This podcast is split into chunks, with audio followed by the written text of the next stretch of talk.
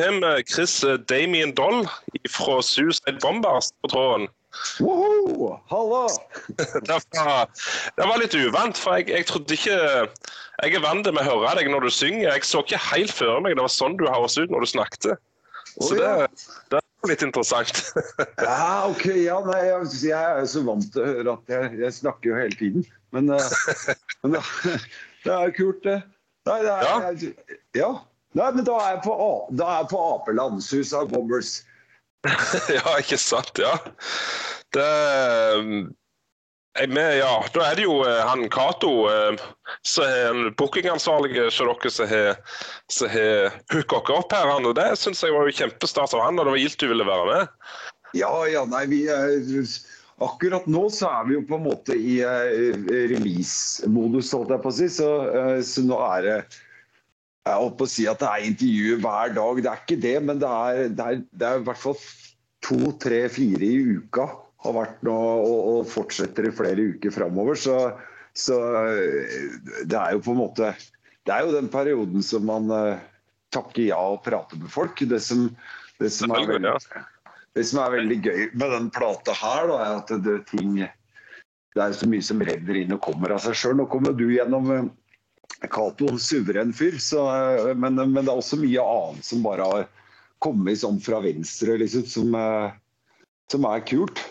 Ja, men jeg vil jo påstå det, det vil jo gi litt frukt òg, altså at du må drøse med folk hele veien. For det er jo altså Plutselig er det noen som oppdager dere som gjerne ikke har hørt om dere, ikke sant? Så Ja, ja, det er jo Og det, det er jo det er moro for du kan si at det er det her altså prate med deg og for at jeg skal gjøre noen amerikanske podcaster til uka sånn. og, eh, I går gjorde jeg eh, Norway Rock, skriv altså Masse, masse sånne greier. da, det, det er jo på en måte litt sånn seiersrunden, ikke sant. For nå har du jobba Hele bandet har jobba jævlig hardt og intenst med å få ut en plate. og så kommer den ut, og så syns folk den er bra, og så vil de prate med deg, og så kan du egentlig bare ta deg et par pils og, og, og og Ja. Det er på en måte, det er den der runden hvor Hussein Bolt, eller hva faen han heter, løper sånn stilig rundt banen i litt saktere tempo mens han vinker til folk. Det er det vi driver med nå. ja, ja. Nå Det er klart, det er ikke Nå i dag det er jo en bragd å bare gi ut et album, for det er jo ikke den samme Det får liksom ikke det samme ut av det som det gjorde før, for å si det sånn. Så det er jo, det er jo stas og svært at det faktisk gjør det. Så Ja, ja, du tenker på sånn økonomisk og sånn? ja. ja. Ja. Nei, altså Før så var det jo sånn at folk måtte kjøpe en plate hvis de skulle ha musikk. Hvis det ikke var sånn dølle folk som, som inviterte til fest og uh, satt på radioen, liksom. Men sånne Ja, ja. De, folk som gjorde det, vet du, de hadde ikke fest. Og de gangene de hadde fest, så var det ingen som kom. Det måtte jo være platesamlinger. Men, uh, men, uh, men så, så det er jo liksom ikke sånn at det, nå er, bruker jo de fleste streaming, men vi selger en del fysisk allikevel. Altså både CD og, og LP og eh, Det er vel eh, Hva skal vi si? Altså, det, det jeg syns er kult da, med, med album, det er på en måte at da har du ti, ti nye låter, og så kan du så kommer det, og så genererer det litt, eh, selvfølgelig litt salg, men det er også intervjuer og anmeldelser og sånne ting som du ikke får på en online singel. Det, det er sant. Det er sant. og så kan du gjøre om så, så kan du gjøre om hele settlista di, og så reiser du på en måte ut på en ny runde. Litt ny image, litt ny intro, litt eh, ny merch som hører skiva til. og, ikke sant, masse sånn, så jeg syns det er mye kulere enn å drive og slippe to online-singler i året som, som ikke gjør noe forskjell på noen ting. Det er liksom altså, det, er, det er ikke noe greie, liksom. Og jeg syns også det er liksom dø, døvt med band som slipper halve, halve skiva som singel før plata kommer. For da er det liksom da, Hvis det er favorittbanda, så har jeg hørt meg ferdig med seks av ti låter. Og så er det fire nye låter, og de er spredd innimellom. Eh, det, det, det var omtrent som å starte Hvis du, hvis du begynner å digge et band, da, så kjøper du Best of-plata først. Ja. Og, så, og så er det så når, når du så kjøper, kjøper du de andre platene, da, og så, så er du allerede lei den beste låta på skiva. ja, ja. Stemmer det. Ja. Nå er- jeg, nå prater jeg mye, da, så du slipper ikke til. Bare Det, men det, det er du som skaper tråden her, så det er jo det, det, er jo det jeg vil. At Ja, ja. De, fleste, de fleste vet jo hvem jeg er, skulle si, og de som jeg kjenner som hører på. Så det er jo jeg tenker det er mer interessant at du får bare fullt utløp til å trøse og si det du skal si. Er Drøse, drøse er stavangersk for å prate, eller? Stemmer det, ja. Ja, Jeg skulle til å si, går, går det greit med jærsk, eller? Ja, det, som sagt, jeg kjenner jo Cato Krula ganske godt etter hvert. Han, han, eh, det, det var jo litt moro. Han er jo, han er jo en kul fyr. Han, han sa at eh, kan ikke, kan ikke du ta oss og høre på den episoden med Jeg husker ikke, faen. Det var, jeg lurer på om det var episode med Kardanger eller noe sånt. Så, Ja, så, så, så bare hør, Kan ikke du høre på den, Chris? og bare høre om du skjønner hva han sier, for hvis ikke så blir det kanskje litt teit. Ja, Men jeg skjønte det godt, jeg. altså. Ja, ja. Jeg var, jeg var et år i militæret i Garden, og da var jeg jo i Oslo. Så det, men er, er, du, er du fra Oslo, eller er du eh, sentrumlig? Eller der området er du lenger ut ifra, eller? Nei, nei, jeg, jeg, er fra, jeg er fra Stavanger. nei, jeg bare kødder. Jeg er, Ja, jeg jeg er fra, nesten fra Oslo. Sånn opprinnelig så er jeg fra, fra Vinterbro, da, hvor Tusenfryd ligger. Ja, stemmer det. ja. Nei, så det var... Nei, I militæret da, så hadde du jo, hadde du jo eh, det der eh, eh, radiospråket og liksom de andre Jeg, jeg snakket jo jærsk, ikke sant? I, men jeg forstår jo akkurat radiospråket. Det, det er jo et eget språk. Men når jeg stilte opp på sånn troppen om morgenen, så snakket jeg jo jærsk. Eh, Jeg føler det var til å legge om, så. Ja, Men hva var det du sier for noe? Hva sa du? Hva var det du sa for noe? Jeg avbrøt deg jo midt i Å ja, nei, jeg, jeg er fra, fra Vinterbro, eh, der hvor Tusenfryd ligger. Og så flytta jeg vel til eh, Flytta vel til Oslo Nei, jeg vet da faen. Når jeg var 20, kanskje? Sånt. da. Ja. Så det, det begynner å bli ni år da jeg har bodd her nå. Nei, ja, ja, ikke sant? Nei altså, det, så jeg, jeg, jeg ser jo på eh, meg sjøl som Altså, jeg er jo fra Vinterbro, men jeg er jo Oslo-fyr. Og eh, bandet er jo et Oslo-band. Det er jo mest Ja, ja. jeg, jeg er herfra fordi vi, eh, fordi vi øver i Oslo. Men bassisten Si Slim er jo fra Lørenskog. Line Star som spiller trommer er fra Ski. Og Stevie Tees på leadgitar kommer faen meg helt fra Halden hver uke for å øve, liksom. Mm. Så, eh, så vi flirer jo litt av det Oslo-bandet vårt. Ja. Det, det samles iallfall der, så. Ja, vi gjør det. Vi er flinke til å øve og det funker, det, liksom. Ja, det må nesten det. Jeg hører jo det. Det ble jo, det ble jo bra musikk av det, så det, det, må, det gir absolutt frukter. Men er det eh, Hva du sier Jeg skulle bare takke. Det var egentlig helt Ja. Jeg skulle bare si takk skal du ha. Ja. Men jeg, jeg ser Hvor mange album er det her nå? Fem? Seks? Mhm. Fem? Ja. Fem, ja. Og er det, er det LP? Har det LP av alle de albumene?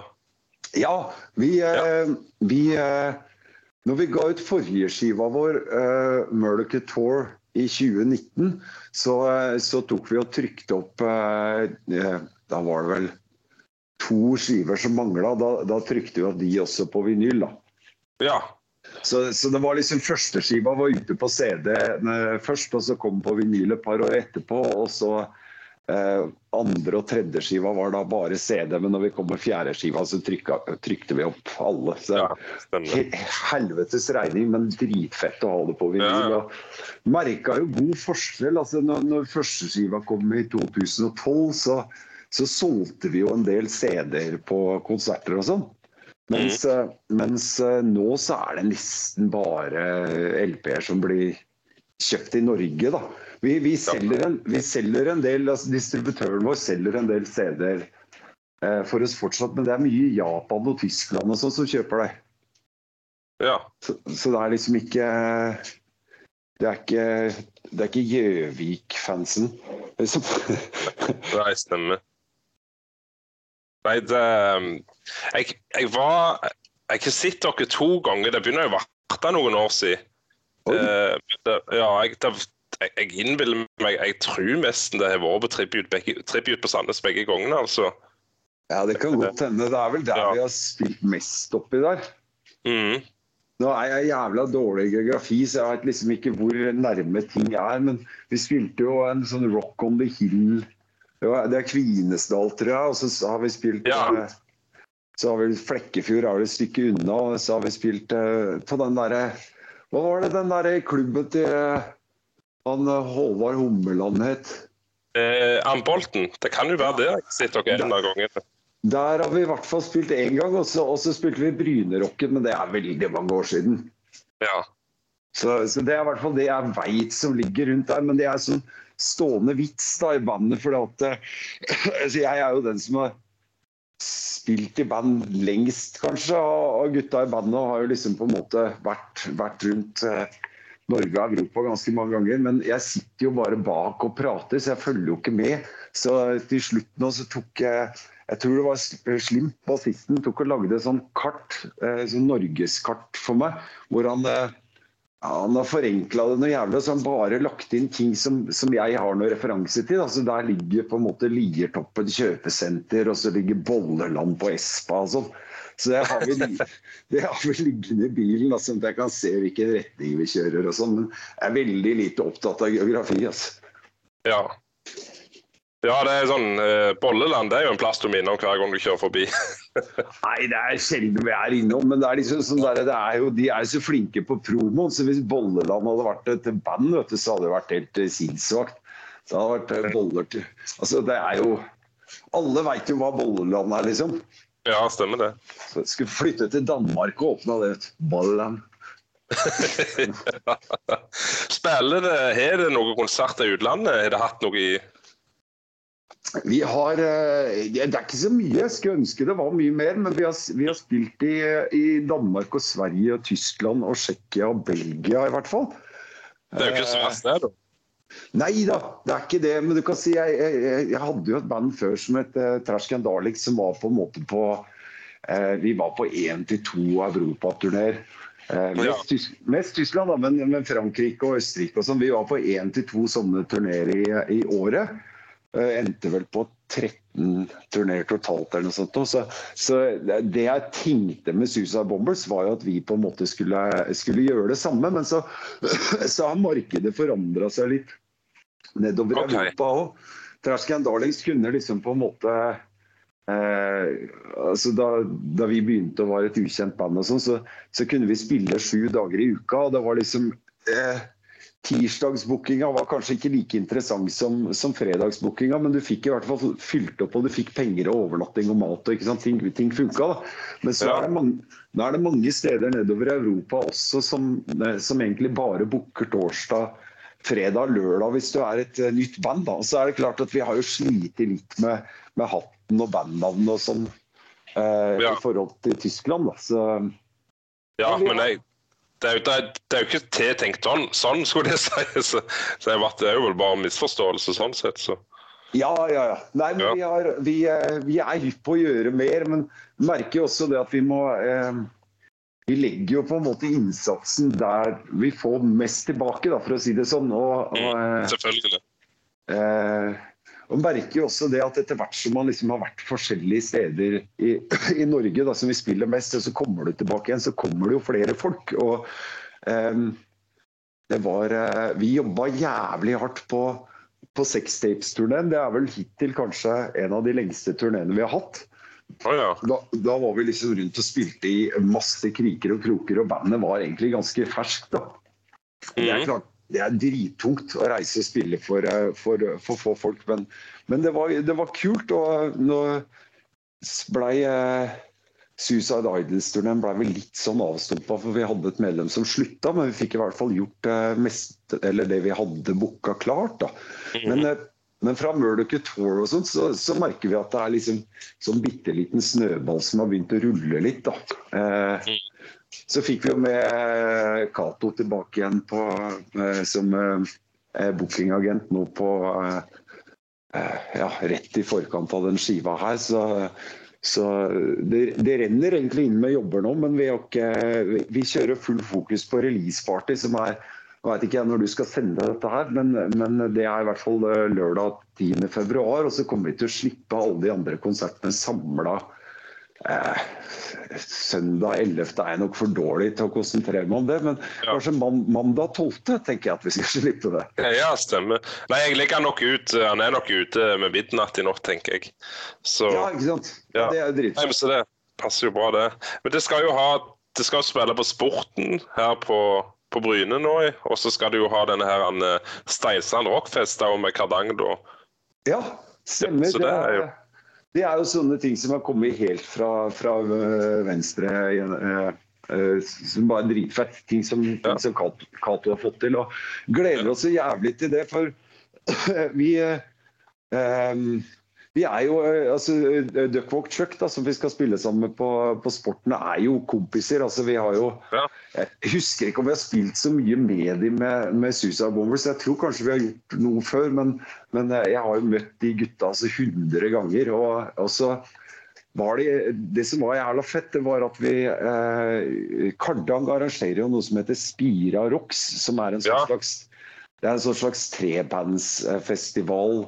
Eh, Kulturhuset i Flekkefjord heter Spira, og det er på en måte sånn Kulturhus høres jo litt dølt ut, men dette her er en, sånn, dette er en sånn, dette er sånn svær greie. Altså, det er dritsvært, liksom. En sånn kjempesal og, eh, og de ser, altså, Det blir solgt billetter som faen til det. det så de har hatt det to, to år, da. Og vi var med nå eh, andre andre året. og Da var det også Kardang og Duckwalk Truck. Da. Det var kjempehyggelig å se igjen de gutta. Så prata vi liksom om at vi måtte prøve å finne på noe mer. Så tanken, tanken var egentlig å ha alle de tre bandene i Oslo nå på lørdag på releasepartyet vårt også, men eh, logistikken rundt det på rocken det blir litt vanskelig å ha tre band, så da, da gikk vi for Kardang. Og så er det jævlig kult at vi får gjort, uh, gjort noe med Duckwalk igjen nå, da. Ja, du, uh, hva er den kjekkeste plassen du spiller? Er det noe du gleder deg absolutt til å komme tilbake til? Er det noe så Er det ja, er det en plass du setter veldig høyt å spille på? Nei. det, det, det er gildt samme hvor. eh, ja, jeg, Hva skal jeg si? Eh, det har jeg egentlig ikke tenkt på. Det, det som er gøy Altså, vi Vi har jo det blir, blir, det jævlig internt, da. Men vi har, vi har sånn derre scoreboard eh, i bilen. Så vi, så, som, eh, det er en da Slim som har, har, satt opp. Han er veldig flink til sånn praktiske ting som, som renner ut litt for, for oss andre. Eh, ja. Men da, har vi, da sitter vi og gir poeng da, til, eh, til, alt som har med eh, en konsert å gjøre. Det er scenen, det er eh, antall publikum, det er maten, middag, overnatting, damene, det er helt, hvor, mye, hvor, mye, alkohol vi fikk, hvordan festen var. Alt sammen. Og så, ser vi etterpå hva som, hva som var det kuleste, da.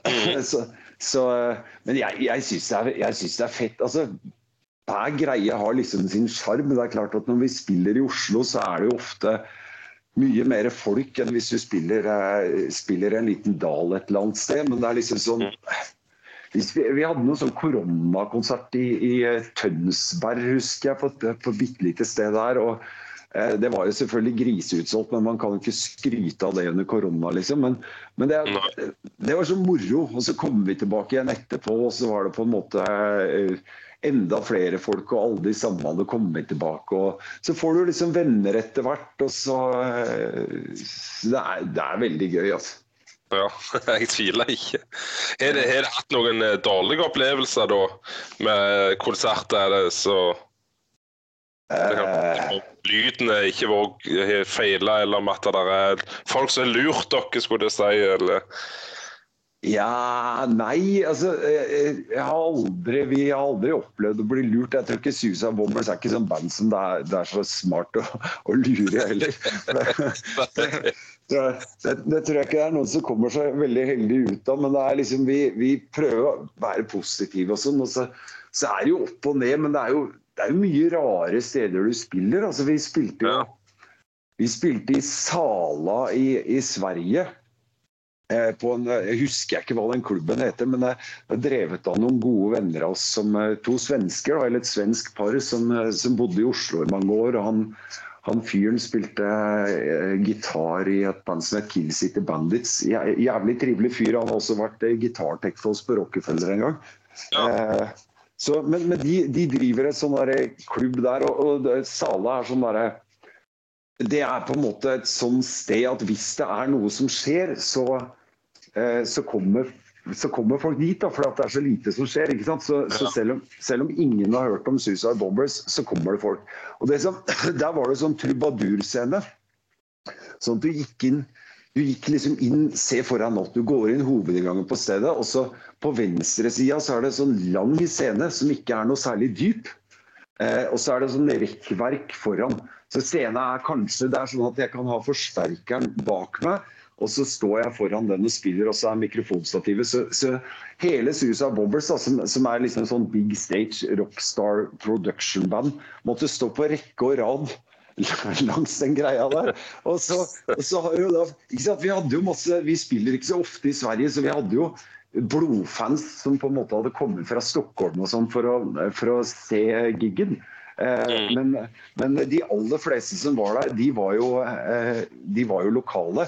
Så ja, det var liksom det var, jeg husker det var sånn ikke sant? Laila Trommisen han er jo ikke vant til å ha kontakt med publikum når han spiller. Han sitter jo bak og slår trommer. ikke sant? Så han, han, hadde da en sånn der drita full bamse av en svenske som sto og hang oppå cymbalene hans og skulle prate med den hele konserten. Han bare Faen, jeg spiller jo jeg spiller jo trommer! Helvete! altså, jeg, jeg, jeg, slapp heldigvis det meste av det, men så var det på kanten av det, altså på, helt på enden av den scenen, så gikk det en sånn trapp opp. Sånn at uh, Slim, da, bassisten som sto på, på den siden, han Eh, der sto ikke folk nedafor den gang, så han hadde en sånn dame som sto ved siden av han og prøvde å prate i øret på den hele konserten. Og det, det hun prata om, det var at hun, eh, hun hadde sånn brainstorming på alle de norske banda hun hadde hørt om. Og, så, og, så, og så, så, sa hun liksom bandnavnet, og så, og så skulle eh, han, han, skulle spille bass. Og så, og så, så hun så sånn Vazelina Bilopphuggers. Han bare Hæ? Hæ? Hæ? Vazelina Bilopphuggers? Uh, ja. Har de hørt om dem? Midt under konserten? Ja, under hele ja. konserten. Så bare du, gå bort! Jeg syns jeg så deg spille for folk. Så det, det, var, det var, litt uh, spess, altså. Ja, så.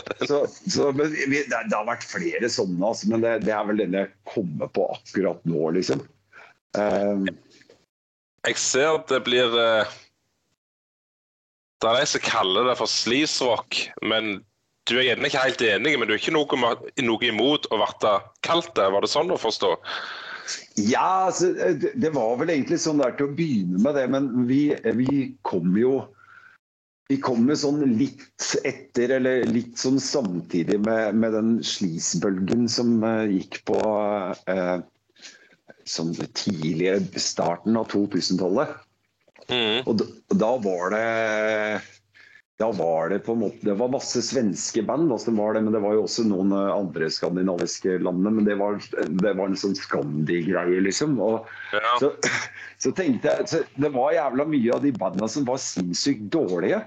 Eh, mm. Og, og, så tenkte jeg at jeg er ikke jeg er ikke så hypp på å liksom komme etter og dytte det bandet her i den greia med eh, Mye av de svenske banda de kopierte ett band, ikke sant? så de, de skal ja. være helt like rett eller helt like Motley Crew. og vi har mye vi tar liksom masse flere influenser, putter opp i gryta og rører rundt. og da, da tenkte jeg at For det første så syns jeg at vi låter litt mer hardrock enn mye av de greiene. Så, ja, jeg er enig i det. Ja, altså For det andre så tenkte jeg at når, når den, hele den scena der dauer, liksom, så er det, så er det kjipt å ha kommet og kalt seg for, for slis sjøl. Men det er jo klart, ja. det, er jo det, det, er jo, det, er jo, det passer jo like bra. Det er jo det vi driver med. og Sånn som det er nå, da, så er det jo sånn at de, eh, de beste svenske bandene har jo på en måte utkrystallisert seg på en måte er kule fete band, liksom. Og så har jo selvfølgelig de som bare kom som trenden, falt av. Så, mm, ja, ja. så, så, jeg føler ikke at det er, er, så farlig nå å si at vi er slis, men nå har vi nå begynt å si at Altså, nei, det går, jeg kan ikke spille i et band som ikke er sleazy. ja, ja, det, det, altså, litt image og litt musikkvideo er litt sånn sleazy, ikke sant? Men du hører på sounden. Sounden er noe eget. Det er, altså, det er Suicide Bomber. Altså, du kan liksom ikke sette det helt i en bås utenom heller, føler jeg. Nei, jeg, jeg syns det er kult. Altså, jeg husker eh, sånn, da, da, var jeg liten, altså, men i, i, 1989 så hadde Frode Øyen, som driver Scream Magazine, han hadde et radioprogram på Radio 1 i, i eh, sånn, Da var vel det lokalradio i Oslo, tror jeg, eh, som het The Rocker. Ja. Og det begynte altfor seint på kvelden for, eh, for, lille Chris Damien Doll på den tida der. Så jeg, jeg lata som jeg hadde lagt meg, og så lå jeg hver tirsdag og så hørte jeg på det her på radioen. Og så hadde jeg soverommet mitt, det var på en måte rett over gangen for dassen. Så ja. når, eh, når foreldrene mine skulle på do, så passa jeg på å skru ned volumet, for ellers hadde jeg fått beskjed om at nå måtte jeg sove. ikke sant? Eh, så så, så, husker jeg at eh, en av de gikk på do. Jeg måtte liksom skru av, da, og så gikk de tilbake igjen. og Så skrudde jeg opp, og så hørte jeg Da hadde jeg aldri hørt låta før, men da spilte han for første gang 'Mean Man' med Wasp. Som var på en måte lead-singeren fra 'Headless Children'-plata deres. Så eh, jeg kom inn sånn cirka midt i låta. Men jeg, og Wasp var favorittbandet mitt. Men jeg, jeg visste med en gang at det var Wasp, liksom. Eh, og, så, og, det syns jeg er litt kult. da, det er, liksom, det er den greia som vi har, uh, har tenkt også. at hvis du, hvis du sitter på puben og så tar du deg noen pils, og så spilles det litt Motley og litt Wasp og noen Backstreet Girls og Racer Bats og hva, hva, hva, Turboneger, hva, hva som helst som de spiller på en rockepub. Og så, kommer, og så kommer Suicide Bombers, og du har forhold til bandet. Eh, mm. så, så, skal du liksom skjønne at det er Suicide Bombers, selv om du ikke nødvendigvis har hørt akkurat den låta før. Ja, ikke sant. Og det, det syns jeg på en måte vi har fått til. Det er ikke bare det er liksom eh, måten låtene er skrevet på, hvordan vi spiller dem, og, og synginga, koringa produksjonen og hele pakka er liksom Det er mm. oss, da. Men sånn som det nye albumet, altså liksom All for the Candy, alt dette, hva, er, er, det noe Hva er inspirasjon til at det ble sånn liksom, eh, dette på dette albumet? Hva, hva, tenker du med navn og sånn? Eller? Nei, ja, Navn og logo, liksom slikkepinn og alt dette her, ikke sant? Og...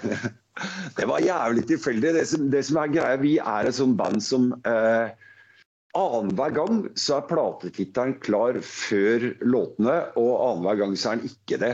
Og det er på en mm. måte Første skiva så hadde vi ikke noe tittel før helt til slutt. Andre skiva så var tittelen klar før jeg skrev låter. Tredje skiva hadde vi ikke noe tittel. Fjerde skiva var tittelen klar før låtene. Og denne gangen, så hadde, denne gangen så hadde vi absolutt ikke noe tittel.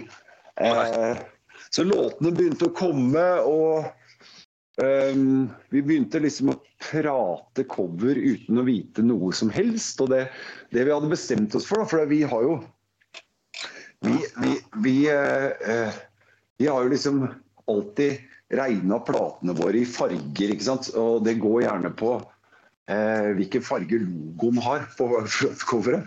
Så første, ja. første er rød, for den har rød logo, og så er den lilla eller rosa den andre. Og så har eh, Suicide Islands har jo hvit logo, men der er det så mye blått på coveret, så det er liksom blåskiva, og så er det nok en rød med Murdoch og Tor. da.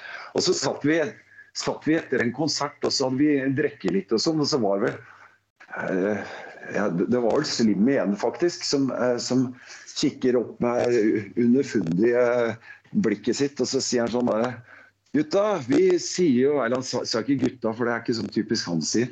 Han sa sånn, han sa sånn der, vi sier liksom alltid at vi har den røde og sånn, altså farger på platene.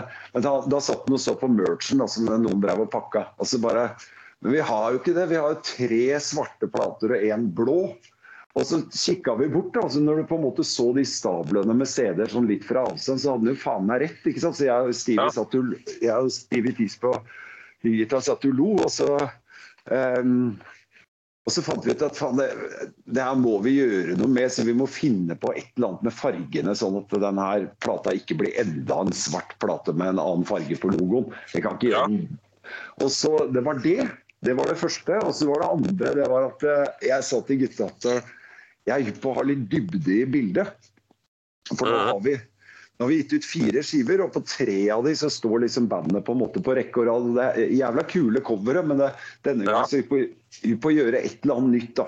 Og hvis du skal, hvis du skal få dybde i et, eh, i et foto på den måten, så, så, er det ofte lurt å ha litt props. Da, at det er litt ting som står rundt. sånn som På sextape hadde vi en sofa.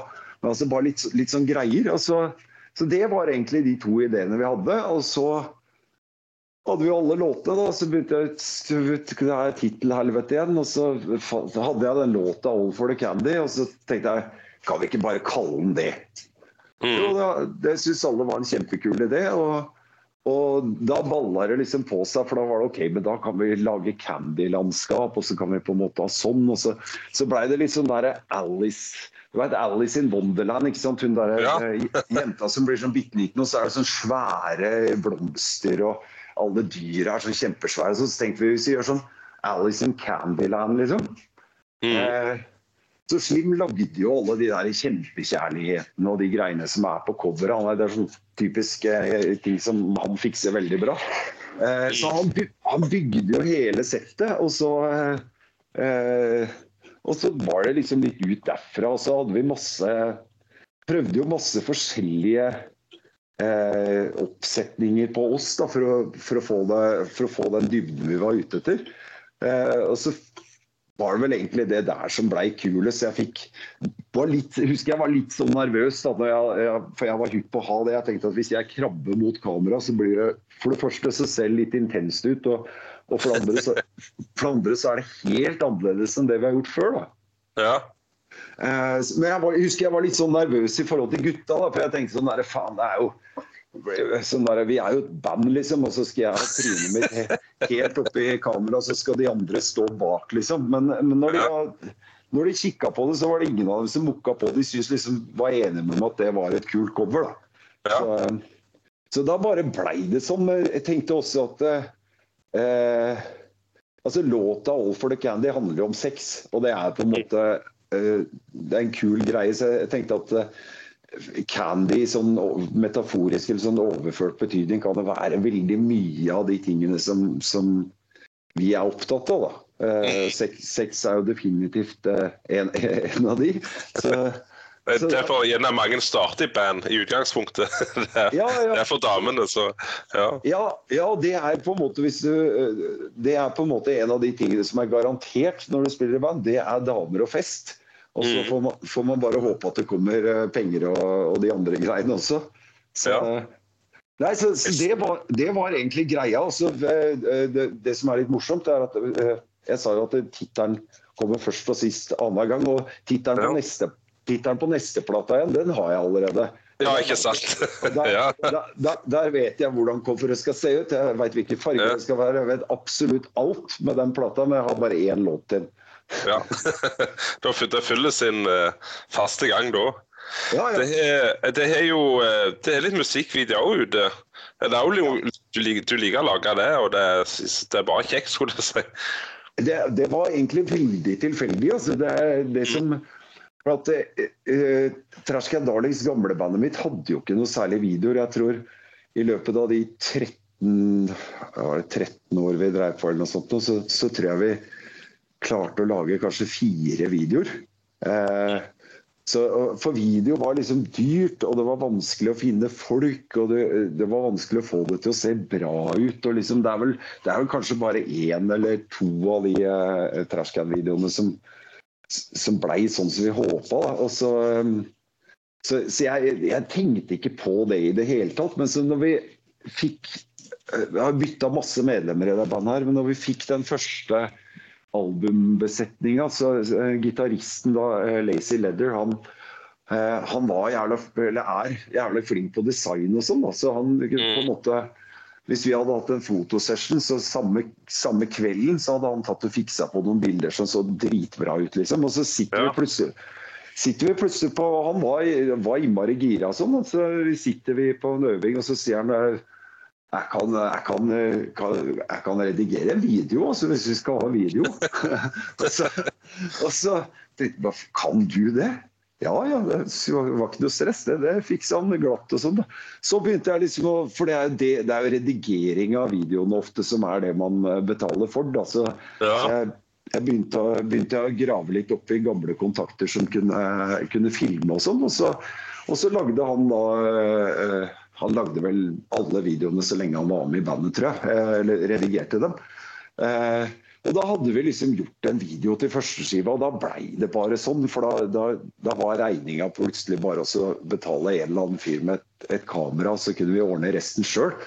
Mm. Men, så, men så har du balla på seg, da. ikke sant? For de, de første videoene var jo eh, band performance-videoer, der vi mer eller mindre hele videoen står band og spiller. og Det var jo enkelt og greit. det Få tak i et bilverksted eller et eller annet sånt. og så Sette opp, eh, Mm. sette opp, sette opp band og film noen timer, liksom.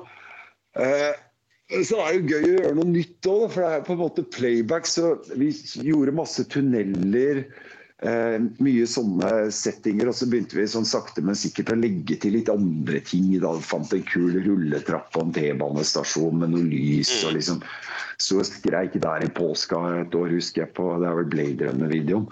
Eh, og så, når vi kom med Suicide Idols, da, tredje skiva, så eh, så eh, tenkte jeg da, det hadde vært kult å gjort en sånn stor scenevideo. Det er ikke så ofte vi spiller på så store scener, men det skjer jo innimellom, liksom. Så vi, vi leide, vi leide et sted med en svær eh, scene, og så spilte vi gjorde vi en det, var vel, det skulle vel egentlig være noen backstage-greier og sånn, noe som ikke rakk å filme, men det ble i hvert fall den store performance-videoen på tittelkuttet. Det er Suicide Idol.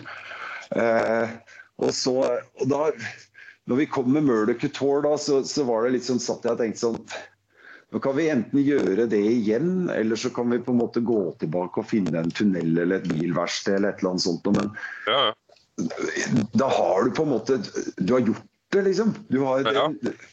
Så da var, tenkte jeg nå hadde det vært jævla kult å gjort en video som ikke var um, ikke var eh, bandperformance, eller at bandperformancen var en mindre del. Også at vi prøvde å lage en litt sånn løs handling med noe opplegg, sånn at det ble noe annet å følge med på. At det ble mer sånn som de videoene vi husker fra vi var, var kids med rock, Ja. rockebanda da, liksom. Ja. Eh, Så begynte vi å grave i venninner og sånn, da. Så fant jeg hun eh, ene venninna mi som ikke er sjenert i det hele tatt. Bare en veldig kul dame som, som sa at ja, hun kunne gjerne stille i undertøy. Hun, det var ikke noe stress. Så, så da, da ble det sånne videoer. ja. Nei, det er kult, det. Så, Jeg, ja. eh, selv så jeg, eh, jeg hyfte jo ikke noe særlig med musikk når jeg var liten. eller noe sånt, og det var, Jeg vokste opp med MTV, og det er jeg jo sjeleglad for. så det, jeg, jeg er et veldig liksom, godt forhold til musikkvideoer. Det sånn, det er min introduksjon til mye av musikken jeg liker. ja, det var det på, eh, det var det på meg òg, altså. Ja. Det var jo liksom Jeg vokste opp, så var det jo Du hadde jo Monsters of Rock da på, på Sky Channel, og så kom jo Headbangers Ball etter hvert og sånn. og Mm. eh, det, var, det, er, det er veldig mye band jeg oppdaga gjennom å se musikkvideoen på, på en sånn type program, liksom. Ja. Så, og, og, og, og kule videoer var jo noe du beit deg merke i. Altså, nå, nå kjører jo ikke vi den greia, men jeg husker jo sånn eh, Twisted Sister breaka jo på at de hadde den spesielle Ja. stilen på videoene, liksom.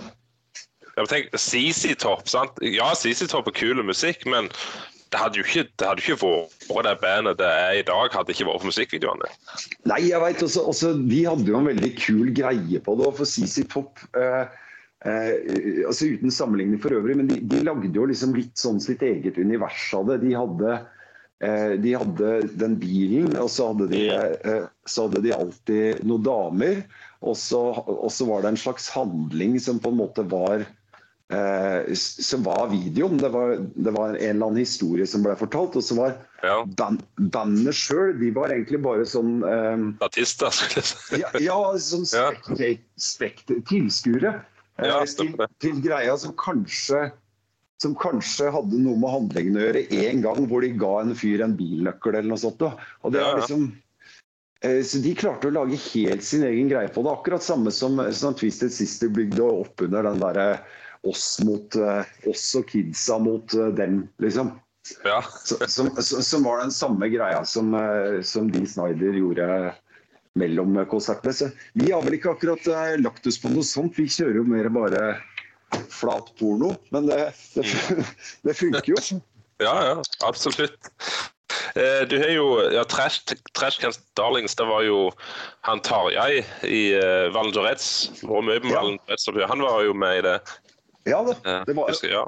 det var jo han og jeg som starta Trash Can Darlings. Det vil si, jeg, jeg hadde vel jobba litt med det først. Jeg tror jeg hadde et par låter, og så hadde jeg vel møtt Jeg lurer på om jeg hadde møtt en, en tidlig eh, gitarist som vel slutta før det blei noe av. Og så han trommisen som spilte de to-tre første jobbene. Så jeg, jeg, var liksom i gang og skulle starte et band, men jeg mangla bassist og vokalist. Og så var det liksom når jeg møtte Tarjei, da, eller Strange som han het i, het i bandet, det var liksom ja. det, var, det, var, da jeg følte at vi, vi kom noe sted. For vi er jo ekstremt forskjellige som personer. Du, du kunne nesten ikke liksom finne noen som er mer ulike enn oss, men vi bare connecta så innmari på det der med musikk og hva vi syns ja. var fett med, med band ja. og liksom sånne ting. da. Mm. Eh, så, så, vi begynte å gå på byen hver dag og liksom henge sammen og planlegge dette bandet og hvordan det skulle bli, og liksom gjorde det Gjorde hele den biten sammen, da. Så mm. der var det jo også veldig mye forskjellige medlemmer. Mm. Så Nei, altså, det, det, var jo det. Han, han begynte jo da etter hvert i, i Valenturette, som han driver med fortsatt. Og så, og så har han jo sitt eget eh, band, også Hard Luck Street, som er fett. og gitt, gitt ut en god del skiver. Så jeg, vi hadde vel en liten pause sånn etter bandet, tror jeg, hvor aldri vært noen uvenner eller noe sånt, men når du på en måte driver med noe så intenst så mange år, så er det naturlig å ta litt pause. Men eh, mm. nå, senere åra nå, så prater vi ganske mye igjen. Altså, så det, ja. det, er, det, er, kult. Jeg var og så Alan Tourettes på Rockefeller i jula også. Ja. Ja, det, ja, det er gjerne Tida går fort, så det er gjerne to år siden sist jeg var og så. Uh, du spilte også med Ronny Pøbel? Ja da.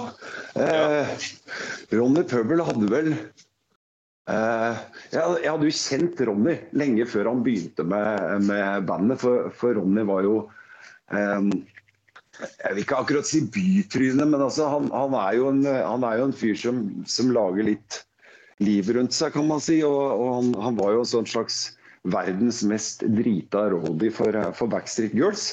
Eh, og Petter, Petter Baarli og Dan Thunderbird syntes han var en morsom fyr. og, og Så kommer han plutselig med en sånn haug med tekster som han har skrevet. og Petter, begynner å skrive, Petter og Dan begynner å skrive låter med Så jeg husker mm. han, han, kjørte vel noe utstyr for oss etter en Trashcan-konsert, og sånn, og så satte han på en kasset da, med liksom tenker og tenker og brutal mot dritt og sånn. Som, med trommemaskin og Petter eh, på gitar og Dan på bass og han som ja. skriker, liksom. Og det, jeg bare tenkte her er jo bare helt sinnssykt, liksom.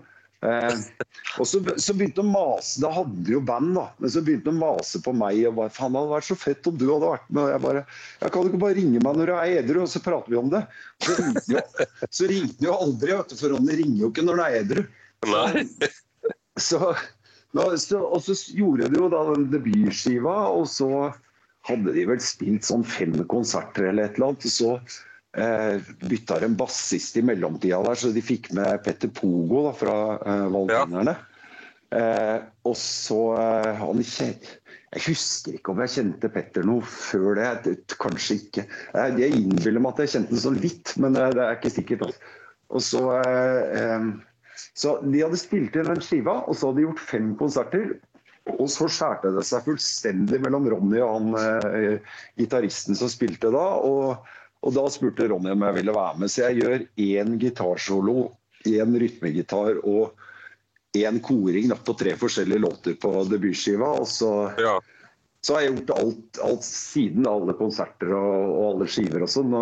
Til å begynne med på de, de neste skivene der, så så er det vel fortsatt Petter som skriver det meste av låtene, for det var liksom det Ronny og plateselskapet ønska. Men så, mm. så, så blei det litt sånn til at eh, jeg fikk på litt låter etter hvert. Og så fra Rusfrie dager i, i 2014 så tror jeg vel jeg har skrevet sånn omtrent alt. Da, at det kommer en, det kommer en Petter-låt nå og da, liksom. Og så, og så har vi vel eh, så gjorde vi en julekalender, da, verdens første musikalske julekalender, der vi hadde skrevet 24 egne julelåter. Um, og da skrev faktisk alle. Da Sitrus Minus trommisen skrev en, en, tekst. Og Dan Thunderbird som spilte, spilte bass der etter at Pogo ga seg, han kom med eh, flere helt ferdige låter som bare er helt fantastiske. Liksom.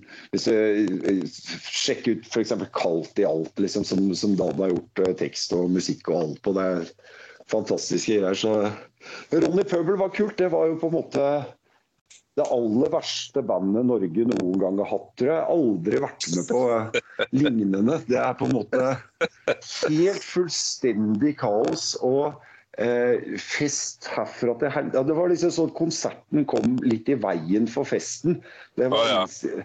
det var innstillinga til meg sjøl inkludert. Altså, hele bandet Ja. har så mye har så mye historier fra det der at det er helt Husker vi spilte i Ålesund en gang, da, på så lite sted som et Smutten. Og, så, og det som var med Ålesund, det var at de billigste flya der de går så sinnssykt tidlig om morgenen. Mm. Eh, så, vi, vi begynte jo alltid å drikke med en gang vi møttes. Så jeg, jeg ble henta hjemme sant, på Økeren klokka fire om natta. Eh, setter, meg, setter meg i bilen, jekker en øl, begynner å drikke. Så kommer vi opp på Gardermoen, da kan Ronny begynne å drikke og faen har jeg kjørt. Og så, ja. og så er det jo alltid tilbud på Gardermoen. At du da får en halvliter og 0,6 halvliter og peanøtter for 486 kroner. Hva faen det koster, helt sinnssykt. Og så, og så, og så drikker vi, ikke sant. Og så har eh, Thunderbird har jo eh, eh, Han har lært seg at de der småflaskene med, med Odeberg og sånn, det, sånn som du, det får du med deg på flyet hvis du har det i sånn plastpose. For det er, det er nok lite, Ja. lite væs- væske i det. vet du. Det er kjempesmart triks. Så vi satt og drakk sånn, og så kom vi fram på Ålesund. Jeg tror jeg nekta på alle hoteller i Ålesund, bortsett fra ett. Altså, der fikk vi lov å bo, og så spiste vi frokost. Så går vi og legger oss, dødsstille om morgenen. Voksne grisefyllesyke, og så er det egentlig bare å begynne å drikke igjen. Og så er det, eh, så er det konserten, og så skal vi da hjem igjen, også midt på natta. Eh, Men det var, så, så det er liksom settinga, da. Og så kommer jeg opp på kom jeg opp der, og så har jeg glemt Da har jeg gått fra hotellet og så på konserten, og så har jeg glemt å, å, å skifte. da. Jeg pleier å ta på meg sånn pøbelgenser. Det er ikke så mye pynting der, men jeg tar i hvert fall på meg de. Og så sitter jeg backstage, eller det er ikke backstage, det er sånn lite lagerrom, og så sitter jeg der så ser jeg faen, jeg har på meg en Guns N' Roses-T-skjorte. Ikke bare det, men en døll Guns N' Roses-T-skjorte. Jeg kan- ikke gå på og spille punk med det. Så, så er jeg så full. Altså, på den tida så var jeg, var jeg ikke så tynn som jeg er nå heller. Så, for, for det eneste jeg kunne gjøre, var å ta av T-skjorta. Eh, og så, så, så jeg spilte hele konserten i bar overkropp, og så eh, kjenner jeg det jeg går på at jeg er egentlig litt grann for fullt til å spille. Så jeg, er- jeg, er, litt, jeg er litt sånn flau, da. Så jeg står liksom og jeg står liksom og kikker ned på gitaren mens jeg står og spiller. Så står jeg helt stille og prøver å spille riktig. Og så ser jeg liksom at sikla kommer ut av kjeften, og så treffer magen, og så renner ned på gitaren. Jeg klarer ikke å gjøre det. Og så, og så, så kommer Ronny, ja. Så han, han bøyer seg liksom sånn opp, sånn ned, altså sånn der omtrent i beltehøyde på meg. Mens han synger, og så ser han opp i trynet og så, og så bare 'Går det bra, eller, Kress? Går det bra?' det gikk jo ikke bra, vet du, men det var, det var sur. Da tror jeg Ronny tok en hel ølkasse med sånn flaskepils som vi hadde på scenen, og så kasta han over huet på publikum så han knuste i bakveggen. Det var, men men det, er ikke, det er ikke engang noe spesielt gæren historie. Altså, det er tusenvis av sånne historier med, med det bandet der. Det er det gærneste jeg har vært med på. og Verken Susa Bobbles eller, eller Trash Darlings er- står tilbake for en uh, fest, vi heller, så det sier jo litt, liksom. Mm, stemmer. Men det Han, eh, Hva du sier Ja, nei, jeg skulle bare si at det blei en del uh, både jobber og, og skiver med pøbel. Og så, og så eh, blei det vel oppløst Jeg husker ikke om det var i 2019 eller om det var eh, litt seinere. Så Ronny var hypp på, hypp på å gi seg. Så får vi bare se om vi tar det opp igjen siden. Altså, er, vi er gode venner alle sammen, og sånt, så Ja. det kan godt hende det. Når tida går, så kommer minnene tilbake, og så er det bånn gass igjen. Ja, dessverre. Ja. Han, eh, Dan, Dan Thunderbird, hva han driver med for tida? Mm. Nei han, han driver og skriver låter sjøl, faktisk. Han har, eh, men eh, det er vel, har han sikkert lyst til å prate om selv, selv isteden. Jeg tror ikke han eh, jeg tror ikke han har noe band akkurat nå som jeg, jeg veit om. Altså, men eh, men eh, han er jo en produktiv fyr, så han dukker nok opp igjen et eller annet sted. Altså. Jævlig dy dyktig bassist òg. Og Citrus Minus eh, spilte jo da het han Andy Hunter og spilte trommer i, i Terscan Darlings på slutten. Han, eh, han, spiller i et band som heter eh, Mirage nå, tror jeg. Okay. Eh, eh, som eh, Det er litt sånn sært, men det er jævla kult. Jeg vet ikke helt på hvilken bås det skal plasseres i, men han er i hvert fall også opptatt. Så det er vel egentlig bare, bare Ronny, tror jeg, som ikke eh, gjør så mye, men da kjenner jeg han rett, så sitter han helt sikkert og skriver tekster. Så den dagen han ringer igjen og skal skrive låter, så kommer han sikkert med en haug med tekster. Hør på den der, Kness! Hør på den! han skriker i øret på meg. jeg ser, Det jo, pleier å ha det sånne introene og trailerne i, på platene. Syns jeg bonus, ja. Ja. ja. Uh, hva, altså, det er kult, det, men er det noe story bak det? At du vil sånn?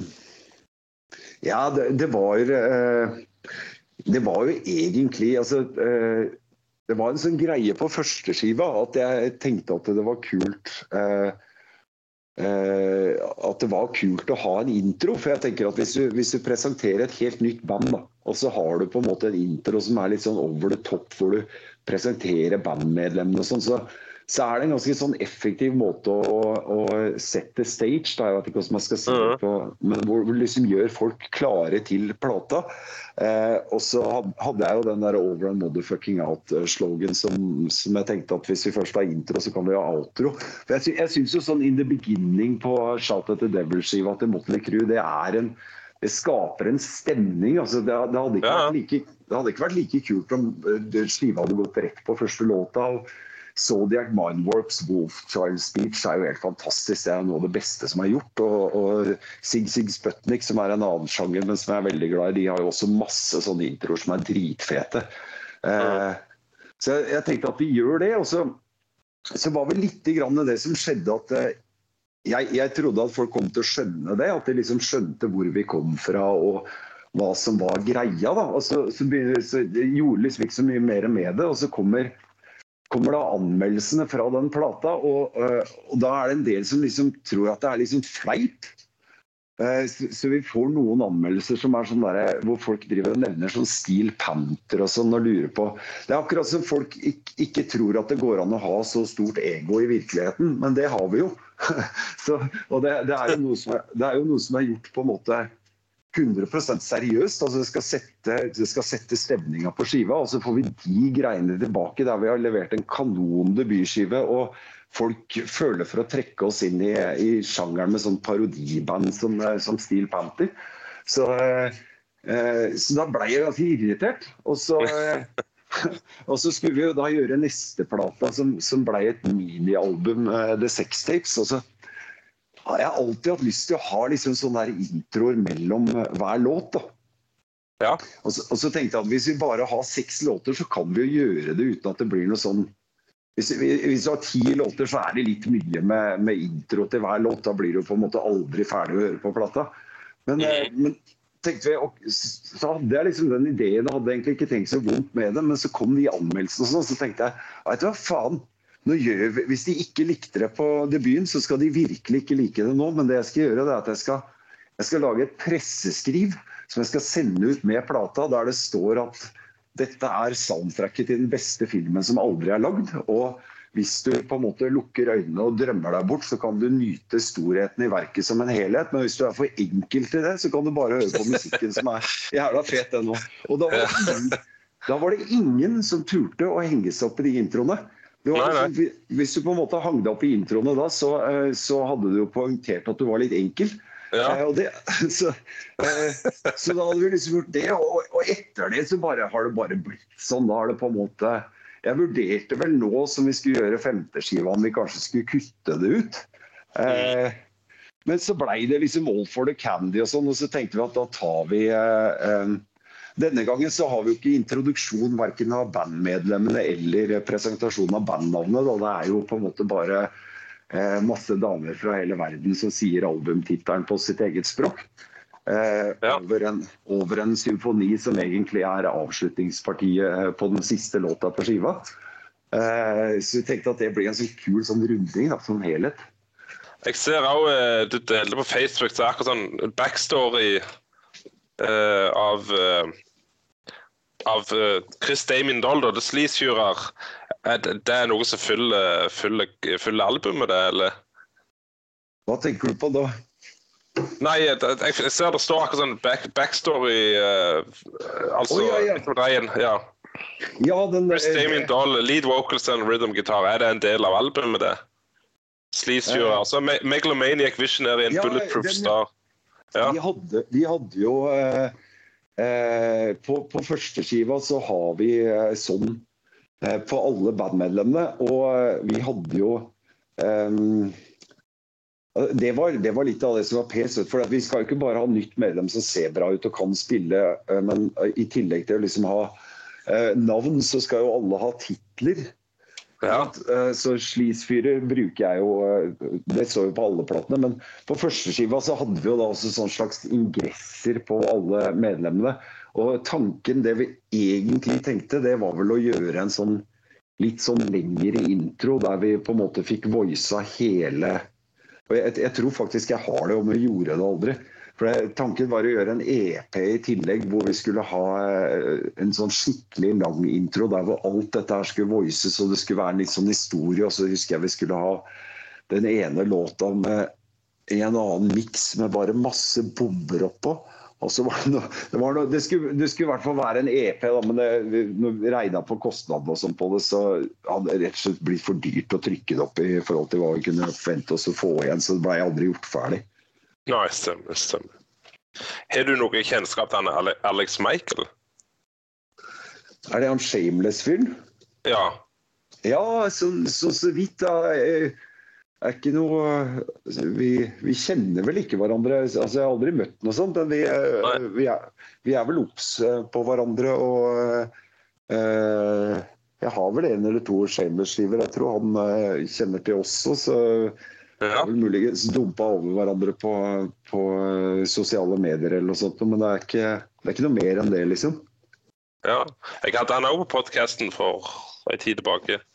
Jeg, eh, vi har jo til samme fascinasjon for den der Back to the Future-bilen til Lorien. Vi har vi har jo hver sin sånn. Å, fett! Det er kult. Ja. Ja. Har du også det, eller? ja, han står i garasjen. Jeg kjøpte han i 2006. Jo da. Og kan vi få se på den når vi spiller på, med Duckwalk, eller?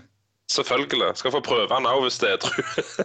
Ja, jeg, jeg, kan Ja. ikke love, jeg kan ikke love at jeg er edru, men her lukter det Susan Bobbers fotosession. Altså. ja, det, kjør, kjør på. Jeg, jeg kan kjøre, jeg. Det er ingen problem der. Så det. Ja, eller i hvert er fall stå, stå og henge rundt den. For er, vi, har, vi har en kompis i Trondheim også som, har- som har sånn bil, og planen har jo alltid vært å, å ta bilder rundt det. Men de, var, de, de varmer alltid opp for oss, så, så han drikker jo han òg. Da får, blir Er det han uh, Bård By, det? Ja, det stemmer i Ja, Nasty Reputation. Mm, Så, eh, ja. jeg, jeg er jo kjempefan av det. Og hvis du på en måte Mye av de greiene som er sånn utenom uh, musikalsk, litt tekster og sånn også med, med Bombers, er jo uh, litt science fiction-relatert. Kommer, Mm. mye fra, kommer mye fra Sig Sig Sputnik og sånn også. Så, så mye av den greia som er på førsteskiva, er jo Terminator. ikke sant? ja. Så, så, um, så Back to the Future er helt innafor. Jeg husker jeg så en sånn greie i intervju med han Harald Svarts, han der norske filmregissøren. Ja. Han, han, eh, han husker Nå er vel ikke det så kontroversielt lenger, men jeg husker han sa at verdens beste film det er Back to the Future 1. Eh, og så hadde han noen veloverveide grunner for det og sånn også. Og, så, eh, og på, på den tida så var det vel egentlig sånn at filmskapere skulle da skulle du gjerne plukke en litt smal fransk film. Det skulle liksom være verdens beste film. Så at han da, som var norsk i tillegg, plukka noe som var så hyperkommersielt, det var liksom eh, det var litt kontroversielt. Men han har jo helt altså, Om det er verdens beste film, det veit jeg ikke, men er, de er jo helt sinnssykt bra, de filmene. Ja, de har, mye. Altså, det er jo tre forskjellige filmer òg. Så det, det er jo science fiction, og det er western, og det er Ja. Ja, helt sinnssykt bra filmer. Også. Det er, eh, jeg synes, når, jeg, når jeg var liten, så syntes jeg at toeren var best. Men eh, med, med åra så har den kanskje tapt seg litt i forhold til eneren. Og så syns jeg Helt enig. treeren har tatt seg opp veldig. Den synes jeg var Ja, jeg er helt enig. Jeg sitter med akkurat Toen, toen ledde jeg på VHS mange ganger. Farmen var sur. For det, den her har du jo sett før. Hvorfor leier du den, liksom? Men det var jo den som fascinerte da. Men du Ja. ser det, det er liksom bare effektene har seg litt på tida, liksom. Det er det som er, Ja. det er derfor. Ja. Ja, det var det. For når du så den første gangen, så var det liksom så ekstremt kult at, det, at han interacta med, med første filmen. Men, men nå er ikke det like spes lenger. Men, eh, men jeg synes, jeg er jo veldig glad i den type filmer. Jeg er stor Star Wars-fan. Jeg syns at Blade Runner er en av de aller beste filmene som er lagd. Vi har jo en låt på Ja. Vi har jo en låt på, på nye skiva som heter Videodrome. Det er jo en film.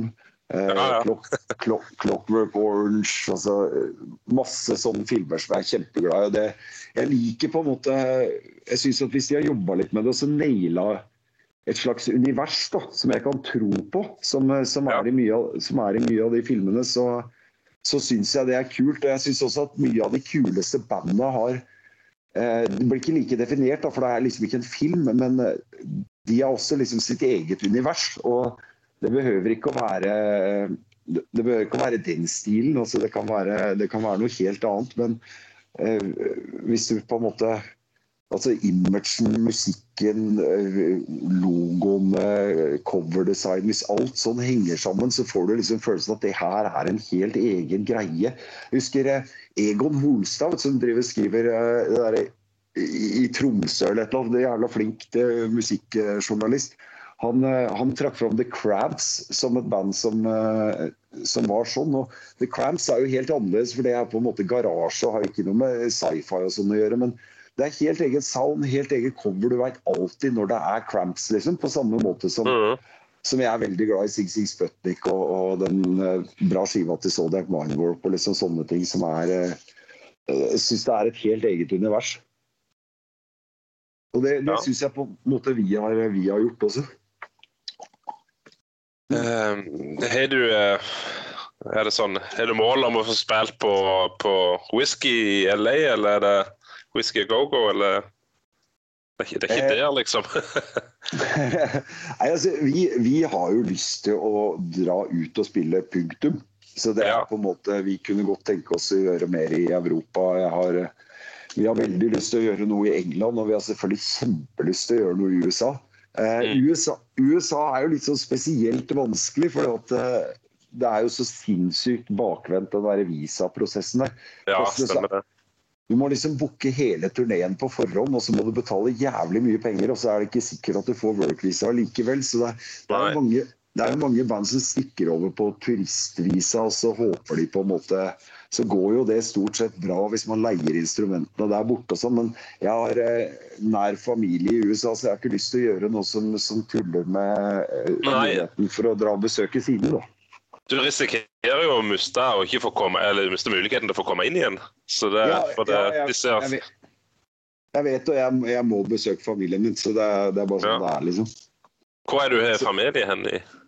Eh, rett utafor Albuquerque. Lillebroren min bor der med, med sin familie. Ah, ja. Det er eneste, eneste, eneste broren jeg har, så jeg er glad i han. Ja. Så det er godt og varmt der.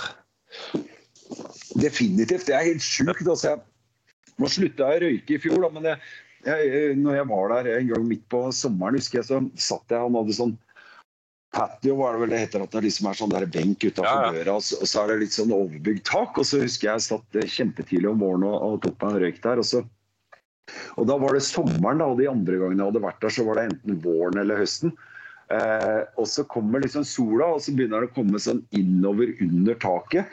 Så sitter jeg barbeint, og så kjenner jeg bare når sola treffer foten min, at det kjennes ut som bare huden bare krøller seg, liksom. Det, var Mm. helt, det er så ekstremvær at det er helt sinnssykt. Så, Ja.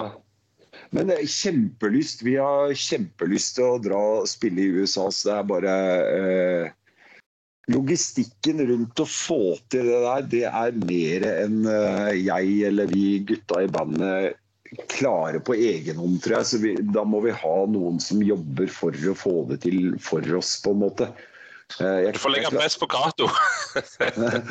ja, veit aldri. Altså det, det, som er med, det som er med Cato, er at han er jo fullstendig uredd, så han bare setter i gang med, med ting. Og så, og, så, og så, så, har han blitt jævla flink, så det blir jo ofte ja. bra. Men, eh, men jeg veit ikke, ikke, akkurat om den papirrulla sånn med USA er noe han skulle Nei, jeg, jeg ser det. Og det er jo sånn, du kan ikke Det, det er farlig det jo bare gå opp og være med og spille gratis. Det blir, jeg, jeg, jeg prøvde, jeg søkte på det, for jeg hadde lyst til liksom, å reise med noen kompiser så kunne vi gjort noe sånn bare for løye. Vi trenger ikke ta betalt for det, men det er òg vanskelig. Du tror ikke Det, det ble sett ned på det òg, hvis du bare gjorde det gratis òg. Ja, altså, med, med, oss er det jo også litt annerledes. For vi er jo på en måte Vi, vi kan jo ikke bare Nei, stemmer det. Vi kan ikke bare reise over og spille. Vi må jo på en måte, vi har jo en image å opprettholde. Og, og, liksom, mye sånne ting. Da. Så det er jo jeg veit da faen om man blir stoppa liksom, med slisfyrerhatten og, og uh, sceneklær altså, ja, ja. Full, full, av sceneklær, så blir det nok bare sendt rett hjem, tenker jeg. mm, ja ja, fort så. Når var du der sist, sa du? Det begynner å bli en stund siden nå. Så jeg er jo ja, si det fire-fem år siden, tror jeg. Men, men før det så, eh, så, var jeg der mye, da. Men nå er jeg, er jo jeg er jo skilt siden eh, forrige plate også. Har fått, uh, fikk barn først og ble skilt etterpå. Så det er jo liksom ja. det, det, er det er litt andre tider økonomisk nå, pluss at jeg tenker at neste gang, hvis jeg ikke skal over med bandet, så neste gang jeg skal over, så skal jeg vel ha med datteren min, så hun får hilse ja, ja, ja, ja. kusina og fetteren sin der borte. Og hun foreløpig så er hun litt, eh, litt ung til at jeg gidder å ta den flyturen. Så det, ja, jeg, jeg, ser den. Ja, det er absolutt. Venter vi litt. Jeg, jeg så du hadde vært i Chichen Itzao i Mexico. Ja, ja. Det var, det var, ferie, det var ferietur, da. Ja. Men, eh, men, vi var eh, ja, Jeg har vært, vært, mye rundt i verden på, på ferie, ja. egentlig. Altså, så mm -hmm. det, eh, det, var gøy, det. Det var varmt som faen der òg. ja. Jeg òg var der i 2008, ja. så det var, mm var imponerende verk der. Falt i været. Ja, ja, definitivt. Nei, hadde, var, økonomien var litt annerledes før, og da var vi på en måte ja, absolutt. Absolutt. Pleide å bruke pleide å bruke noen uker i året på, på, å reise ut av Europa, så da var det liksom uh, mye USA, og mye Asia og forskjellig ja. sånt. Altså. Så den uh, Mexico-greia var vel uh, kombinert med å besøke broren min og en tur til New Orleans. Ja. Så, så det var kult, det. Ja. Eh, det, når, når, det reiser seg det reiser ut i ja, både Europa og andre plasser i Norge, tar det litt som en ferie, eller prøver det å få gjort det liksom, i løpet av helga, kan du si? Altså. Med, tenker du med bandet? Ja, tar det noen ferie da, liksom, og utforsker plassen òg, eller er det helst bare rett, rett på toget igjen og fly? og Oh ja, sånn, nei, når det er med bandet, så er det, så er det jobb, liksom. Og eh, det er eh, nå har ikke Susa Bobbles har ikke vært Vi har vært på én som spiller hver dag-turné over lengre tid. Eller så, eller så er, vel, er, vel, to eller tre jobber på rad liksom eh, Kanskje det, det, meste vi har gjort hittil. Da. Men, men eh, det er litt sånn at når du eh, du reiser et sted, og så, så skal du da rekke en get-in, så du må liksom komme deg dit du skal. Og så så spiller du konserten, og så er det jo selvfølgelig en, en, fest etterpå. Og så skal du rekke neste sted igjen. Så det er litt begrensa hvor mye tid du har. Og på lengre turneer så har du kanskje en, en off-day eller et par off-dayer inni der. Men da er du også ganske sliten, da. For da har du på en måte, da har du på en måte Altså, I tillegg til all festen, så har du liksom på en måte ytt maks da, en time eller halvannen eller hva som helst på, på scenen hver kveld. Og så når den fridagen kommer, da, så det er klart jeg har jo vært jeg eh, har jo vært rundt og sjekka platebutikker i Wien og sånn, så det er ikke sånn at vi er helt uh, ute. Men, nei, nei. men de, de, gangene noen liksom har foreslått at vi skal ikke ta oss og kjøre en tur dit og se på et sånt gammelt slott eller et eller annet sånt, så er det alltid halve bandet som ikke orker. liksom. Da er det mer fristende å bare sove. Mm. Så, ja, det, det er stritt. ja, ja, ja. Det er, det er, jo mange som tenker at du får sett så sinnssykt mye når du spiller i band fordi du er så jævla mye rundt. Da. Men det er liksom Selv i Norge, liksom, som jeg har vært eh, rundt 100 ganger, så er det, det er sjelden jeg, jeg, har sett noe mer av byene enn et hotellrom og veien mellom der og, og spillestedet, liksom. Og så kanskje et eh, eh kanskje, ja, kanskje, leiligheten til en dame, liksom. Det er sånn mm. maks. Det er sånn maks, da. Hva er eh, favorittsangen deres? Eh, altså å spille live? Altså den Har du en som er liksom Og denne det kjennes bare godt når du spiller den, skulle jeg si. uh...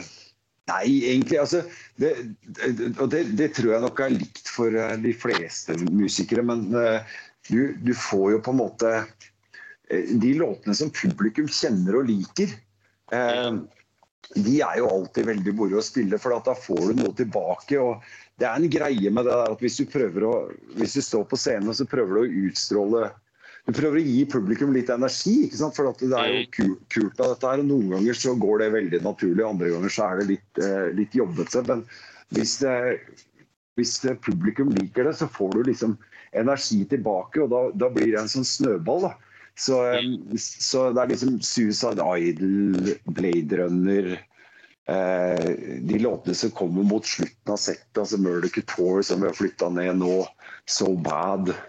Eh, de låtene der får man ofte noe tilbake på. Det, det syns jeg er kult. Ellers så, ellers så syns jeg det er jævlig kult med de låtene som eh, eh de låtene som er litt vanskelige. Da. Eh, på den nye skiva nå så har vi jo f.eks. flere låter som har Unnskyld. Så har vi flere låter som har veldig uh, lys vokal. Ja. Det er liksom, det er, det er gått opp minst en tone fra forrige skive på noen av disse. Ja, ja. Jeg vet ikke hvor lurt det var, men, men, eh, men da er det litt sånn uavhengig av publikum. Men når du liksom på en måte føler at du virkelig får til de eh, og Da tenker jeg ikke bare at, at, at jeg synger den, at, at det går bra, men innimellom så har du en sånn greie at du føler at du har enda litt mer å gå på på toppen. Du kan liksom på en måte ja. du, kan, eh, du kan synge det lett. da. Så Eh, så syns jeg, jeg, det er jævlig kult. Og da har vi jo de, de lyseste på nye skiva er vel liksom type Dynamite Playboys og All for the Candy og et, et par til. da. Som, som, er veldig moro når det går bra, og så veldig kjipt når det ikke går like bra. Ja. Vi har jo såpass, såpass mye sanger, det får jo ikke spilt alt sikkert på konsertene.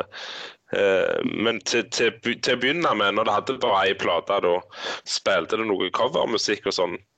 Da. Ja, det gjorde vi faktisk. Vi, vi, har aldri vært sånn band som har spilt mye covers, for at vi, eh, vi altså jeg, jeg, tenker at eh, jeg tenker at eh, de eh, låtene er ofte bedre med originalbandet. Så er det, hvis folk drar på Suicide Bombers, så vil de kanskje høre Suicide Bombers. Men ja. første, første albumturné så spilte vi Dead Jail og Rock and Roll med, med Michael Monroe. Michael Monroe ja.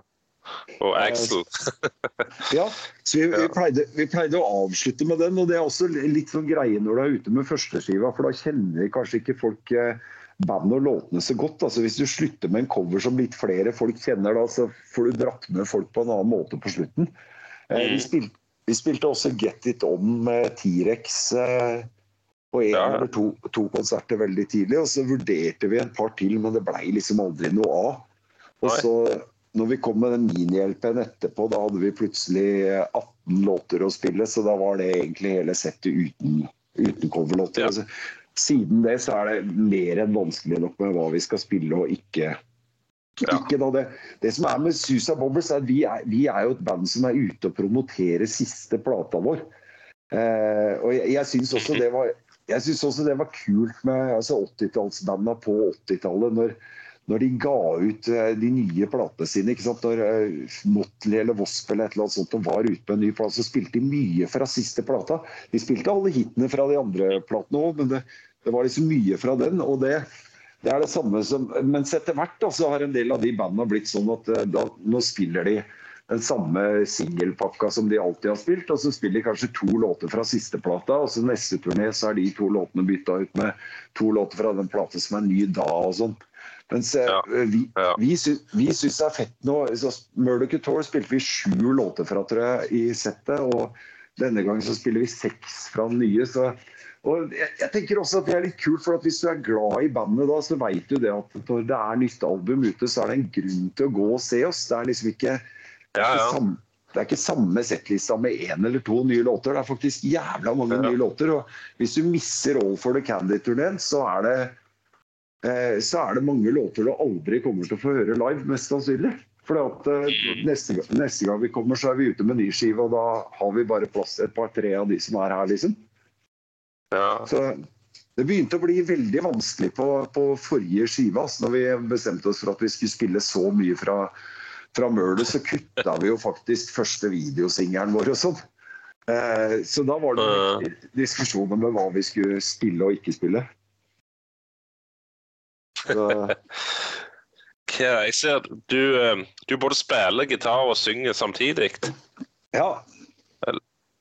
Og det, du, det, det har du alltid gjort, eller ble det en ting at du fant ut det måtte du gjøre senere, liksom, og prøve å få det til å fungere, eller føler du det alltid det har gått greit? Jeg merka det for min egen del sjøl, så før så syntes jeg det var helt umulig å synge og spille gitar samtidig, men det kom. Så det, Ja. det var ikke men klart det går litt på bekostning av hverandre alt ettersom.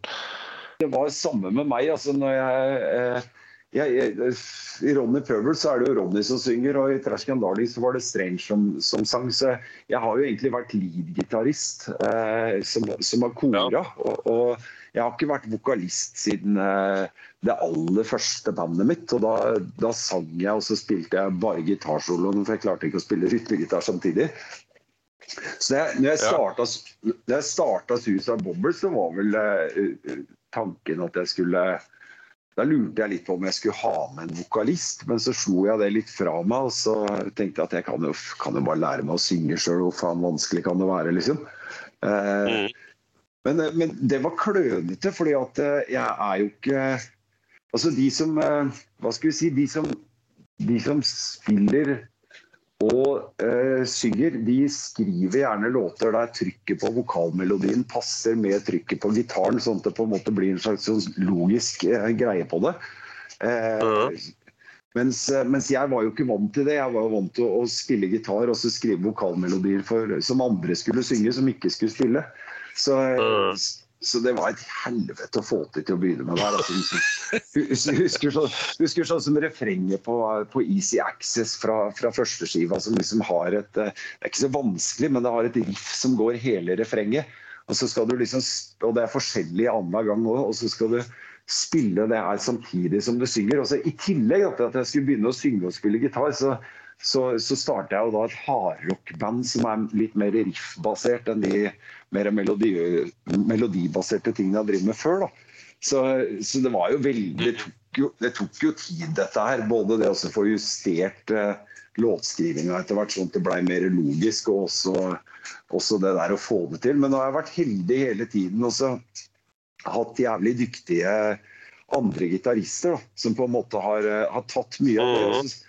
Og så, syns jeg det er veldig kult den derre eh, det, er, det er drittøft med, med to gitarister i den stilen vi har som spiller samme riffet samtidig. Så får du liksom den derre eh, kompakte Judas Priest-trøkket på det. Ja. Men, men jeg syns også, Ja. det også det er veldig kult sånn som Wasp gjør, at de har på en måte et riff, og så har de en sånn derre power chords to break your ribs som liksom eh, som går over der. Så, så, så etter hvert så har det blitt mye sånn, da. Og da er det jo lettere å synge og spille samtidig, selvfølgelig. Så ja. Hvor, hvor, gammel var, hvor gammel var du når du begynte å spille musikk? Ti, tror jeg. Jeg tror jeg, jeg, tror jeg var jeg tror jeg var ti da var det, ikke, det var gitar?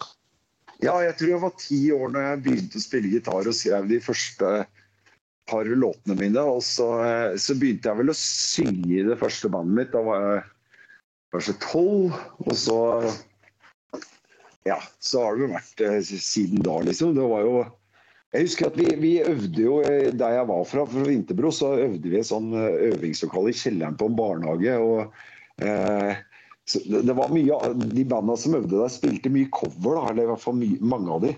Eh, og så skulle vi prøve med dem. Vi var, jo ikke like, vi var jo litt yngre og ikke like flinke, så vi klarte ikke å finne ut Sitter liksom med, og Det var jo vinyltiden også. ikke sant? Så sitter du og hører på en vinylplate og så prøver ser liksom raga-rockers og ting som, som, som er fett, da, men som er ganske greit å plukke. Det var liksom vanskelig. Eh, så fant jeg ut at faen, gidder jeg å drive med det? Jeg kan, jeg kan jo bare gjøre det sjøl. Så jeg gikk hjem og skrev to låter, Ja. husker jeg, to- to-tre låter, og så kom jeg tilbake på øving og sa nå er det ingen som kan si at vi spiller feil. og der tok det Nei, det er sant, det. Ja. I Suicide Bombers er det du som skriver all musikken, eller?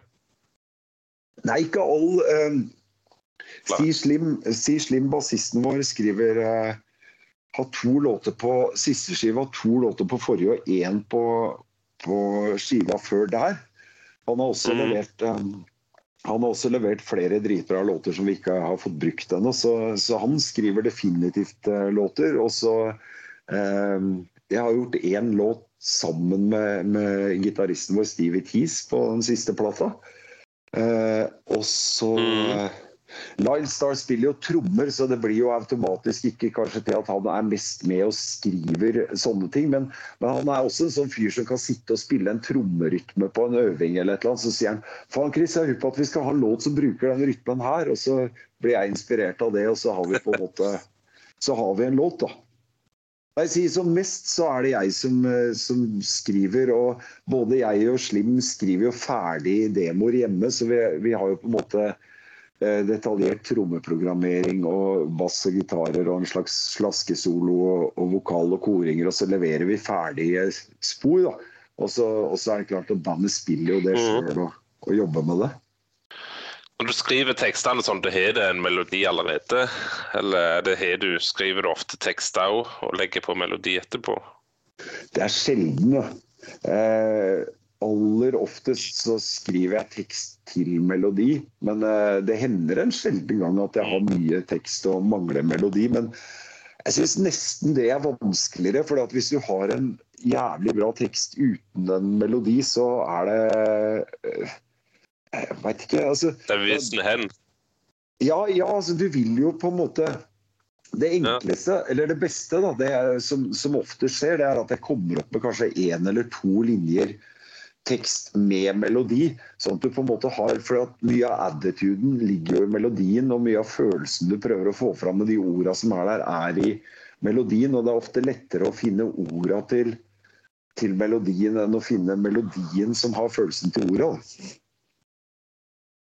Ja, ja. Det er jo absolutt noe i det. Ja. Det er, hva, merke, merke er du spiller på? Er det Gretsch eller gitar? Gibson stort sett har jeg spilt på. Ja. Med Susan Bomber så bruker jeg aller Ja. mest eh, Jeg har en ES 345 uh, BB King Lucille, og så bruker jeg en ES 355 Gibson, men jeg spiller jo litt Les Pauler og sånn Ja. også.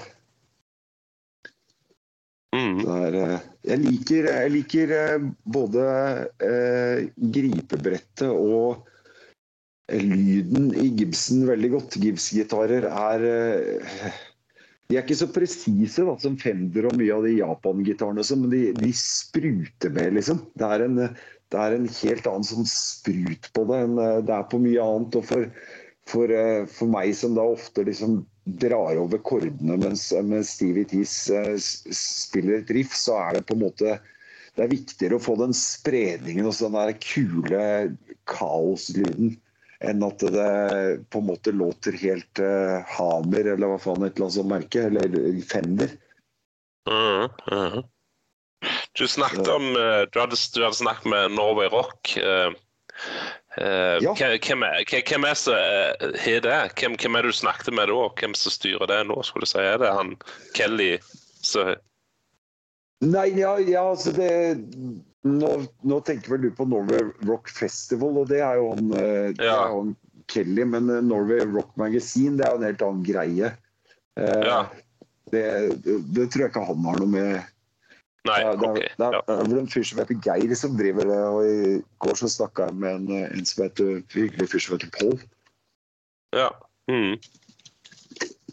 Men det er liksom, det er liksom, det er liksom intervjuer hele tida nå, så er, eh, jeg går litt i ja. litt i, litt i surr. Altså. Så er jeg glad i å ta meg en øl mens jeg gjør intervjuer òg. Ja. Hva, jeg, jeg, ja. Du nevner jo litt at dette var jo Michael Monroe og det var jo uh, T-Rex og litt sånn. Eh, hva andre band er det, er det har fått inspirasjon ifra? Ja, Det er mye, egentlig. Og det er også litt sånn der at uh, de forskjellige medlemmene har jo forskjellige inspirasjoner på ting som, som, som fester seg i, i, musikken. Og du kan si Lyle Star, trommisen vår, er jo eh, i all hovedsak egentlig en trash metal-fyr. Mm. Så, så, han har jo veldig mye av de detaljene og de småtingene som på en måte kommer fra, fra mer ekstrem musikk. og Det er også derfor han liker å spille så fort som mulig. Mens eh, ja. Si Slim har jo en helt fantastisk uh, greie med, med, med, blues og, og altså en 50-talls rock'n'roll-generasjon og sånn. Som, uh, han er vel den fyren jeg kjenner i hele verden tror jeg, som har mest snøring på sånne ting. Så innimellom så sitter vi bare Og jeg er også glad, glad, i mye av det. Ikke på samme nivå som han, da, men da, innimellom så sitter vi og nøler med sånn, jeg lærer masse. Eh, Steven Tease som spiller gitar, han er vel den som er på en måte mest, eh, mest inne i uh, I tillegg til meg, da, mest inne i sånn 80s-greier og sånn. Han, han, er jo han er jo sånn gitarist. Altså han er jo en av verdens beste gitarister, og han, han, er jo veldig glad i eh, eh type band med bra gitarister. ikke sant? Van Halen, Rat er vel favorittbandet hans. Eh, ja, ja. Sånne, greier, sånne greier. Eh, jeg, jeg, liker jo alt fra Doris Day til, eh, til Scooter, på en måte. Men hvis jeg skal ta de, mhm. band, hvis jeg skal ta de bandene som jeg plukka sånn inspirasjon av, så er vel Wasp, selvfølgelig. Kanskje litt Kiss. Warriors Soul syns jeg har en helt fantastisk attitude. Sex Pistols har samme attitude. Vi er ikke så veldig inspirert av de uh, musikalsk. Motley Crue uh, så det på ganger, sa jeg kanskje Sig Sig Sputnik på mye av de greiene som er utenom musikalsk. Altså det der universet og de tingene der. Mm. Um, også masse andre band som vi har glemt. Men jeg syns istedenfor å liksom, som jeg sa i stad med de svenske banda, istedenfor å si at nå skal, vi, nå skal, vi, starte et band som høres ut som en krysning mellom Ratt og Motley Crew, som blir en veldig snever greie, så tenker jeg at man har en svær, svær gryte. Så putter du alle de banda jeg nevnte oppi, og så putter du på en måte Si Slims uh, greier med, med, med altså de store 70-tallsbandene med, med bassistene der, de trash metal putter oppi masse filmer, eh, masse popkultur, masse forskjellige ting som bare rører rundt, og så, så blir det av bombers, liksom. Ja. Mm -hmm. Så Dess mer du har oppi gryta, eh, og dess mer eh, hva skal jeg si, dess mer støtt du står i deg sjøl, dess mer deg sjøl blir det, liksom. Ja. Hva band så hva musikk du spiller på Spotify for tida? Er det noe som går på repeat?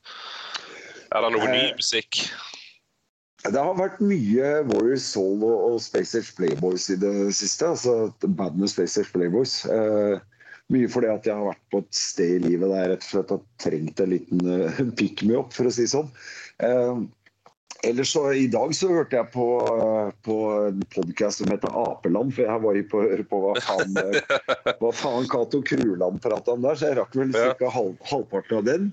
Ja. Og så og så, og så, bruker jeg Spotify til å sjekke ut nye ting. Da, Men jeg er jo en sånn fyr som Jeg hører på Spotify når jeg er ute og går, eller, eller ute. Og så hjemme så hører jeg bare på CD-er og vinyl. Mm. Så, så jeg, jeg, sjekker ut ting på Spotify, og så hvis jeg syns det er verdt å ha det, så kjøper jeg eh, CD-en eller vinylen, og så er det liksom det jeg spiller hjemme. Men det, det syns jeg er litt kosen. Og så er jeg en sånn fyr som liker å ta et valg. Jeg liker å på Spotify så behøver jeg ikke å velge. Det er liksom, jeg, kan høre på, jeg kan høre på a-ha det ene sekundet og eh, et eller annet et annet sekund. Mens, mens eh, hva som skal stå i platesamlinga mi, det, det, kjenner jeg liksom at det er et valg. Det er personligheten min. Det er når jeg har andre kompiser som er platesamlere og går og blar, så, liksom, så finner de meg i platesamlinga. Og så syns jeg synes jeg er veldig, altså, veldig kult sånn når du har kompiser over, og så, så, går alle på en måte og finner en ikke sant, Så reiser en kompis opp og går og finner neste plata man skal høre på. Da hører man liksom mm. plata som en helhet, da, istedenfor å drive, og DJ-e enkeltlåter som man uh, ofte gjør på Spotify. Ja. Så, så, jeg bruker det mye til å, til å, sjekke ut nye ting, men jeg er, ikke, jeg er, nok ikke, på langt nær så flink til å sjekke ut nye ting som jeg kanskje burde være. Jeg har jo andre kompiser som spiller i band som liksom kaster seg over alt nytt hele tida. Det feteste de veit er å høre et nytt band. Mens jeg, sånn som, jeg kan sette på førsteskiva til Wasp, riktignok ikke hver dag, altså, men jeg, jeg kan, eller Wayne, da. Jeg kan mm. sette, på, kan sette på det og finne nye ting som inspirerer meg der, liksom. Så ja. Eh, vel så enkelt som å liksom sette på et eller annet band som jeg bare kommer til å høre én gang på Spotify. Mm. Er det noen ambisjoner framover for bandet? Spy ut på plate og Ja, masse. Vi har jo eh, eh, altså, Vi merker jo at vi merker jo at det går framover hele tiden. Og det, det, vi selvfølgelig har mest lyst til å gjøre, det er å bli kjempesvære. Så eh, mm. Og vi er vel sånn, altså vi er vel sånn anlagt alle sammen at vi gjør, vi gjør jo dette her for musikken og fordi at vi føler at uh, det vi leverer har en verdi. At det er, at det er noe som hvis vi syns det er kult, så syns andre det er kult. Og uh, prata mye om Cato i dag, men altså han, han, har jo tatovert uh, ørna med Suicide Bombers over hele ryggtavla si, liksom. Og det er klart at når, når, folk, når folk gjør sånn, da så, så, har man jo på en måte truffet et eller annet. Og det er jo en sånn greie man bare må, må være kjempestolt av. Men, ja. men, eh, samtidig så er vi vel også der at det er ikke Vi syns ikke det er noe moro hvis det ikke er noe slags progress. Så, nei, nei. så for hver gang du får innpass et nytt sted, eller at det kommer flere folk på konserten, eller, eller, eh, eller sånne ting, så er det er jo liksom det vi higer etter. da. Eh, som, som, er greia. Så, så, Det vi håper å gjøre, er jo selvfølgelig å få, få, spilt på flere av de store festivalene, både i Norge, men særlig i utlandet. Så, og så er vel det, Noe av det store målet er å komme seg mer ut i verden og spille. og Vi har vel en jeg kan ikke si så mye om det, egentlig. Det skulle vel egentlig hatt detaljene nå snart, men vi har jo en, en europaturné på gang i september med, med, to andre norske band, men det er liksom ikke 100% bekrefta ennå. Så ja. jeg regner, regner, med at det hovedbandet kommer til å slippe det sjøl når, når, det skjer. da. Men, det er kult. Jeg får følge med og så se. ja, ja, må definitivt ja. det, altså. Ja. Nei, men da er jeg ikke så mye mer. Så det vet ikke om du har noe mer sjøl. Jeg vet at det skal jo ha noen konserter framover, det kan promoteres. og ja, altså, jeg, jeg tenker det, det, jeg har lyst til å si til folk Hvis, hvis du har giddet å hørt på meg og Svein Apland prate så lenge, så, så, gjør deg selv en tjeneste, og så tar du og følger Suicide Bombers på, eh, på de kanalene vi har. Ta og Følg eh, Suicide Bombers eh, Music på YouTube. Eh, og eh, og Facebook. Og så følger du Suicide Bombers Official på Instagram. Og så trykk gjerne follow på din favoritt-strømmetjeneste. For sånne ting har helt sinnssykt eh, mye mer å si enn det, enn det folk tror. Og så ja. tenker, jeg, tenker, jeg, også at uh, da får du også informasjon om uh, konserter og de tingene som skjer. og hvis vi spiller i nærheten av der du bor og du syns at bandet er kult, så, så dra deg på konserten. Jeg veit at det er kaldt ute, og at eh, du skal vaske håret, og at det er masse ting som er i veien. Men dess flere, dess, dess flere folk som kommer på konsertene våre, dess oftere kan vi komme tilbake og spille. Og dess oftere kan de andre bandene også komme og spille der. Så det er mm. liksom på, er liksom på en måte en sånn eh, en sånn greie. Og eh, fortell det til unga dine, særlig hvis du har Uh, døtre i 20-åra. ja. Nei, da, eh, da, får vi bare drøses, tenker jeg. Og så får det ha lykke til. Og uh, jeg satser på å få med meg en av disse her når det er her i, i nærheten. Ja, og, og det, og da kom, kom, gjerne opp og si hei. Jeg ser ingenting på scenen jeg har solbriller på, så jeg setter veldig pris på de som eh, ikke er helt mongo, men kommer opp og sier hei etterpå. Altså. Ja. Og vil du ha promobilde med DeLorean, så er det bare å ta kontakt. Ingen problem. ja, ja. Nei, bare si ifra fra når du kommer, så tar vi en uh, fotoshoot der, altså. Ja. Hei, flott. Men, men da takker jeg for meg, og takk for drøsen. Ja, ja, takk for drøsen sjøl. Over and motherfucking out. Yes. Hei da. Ha det.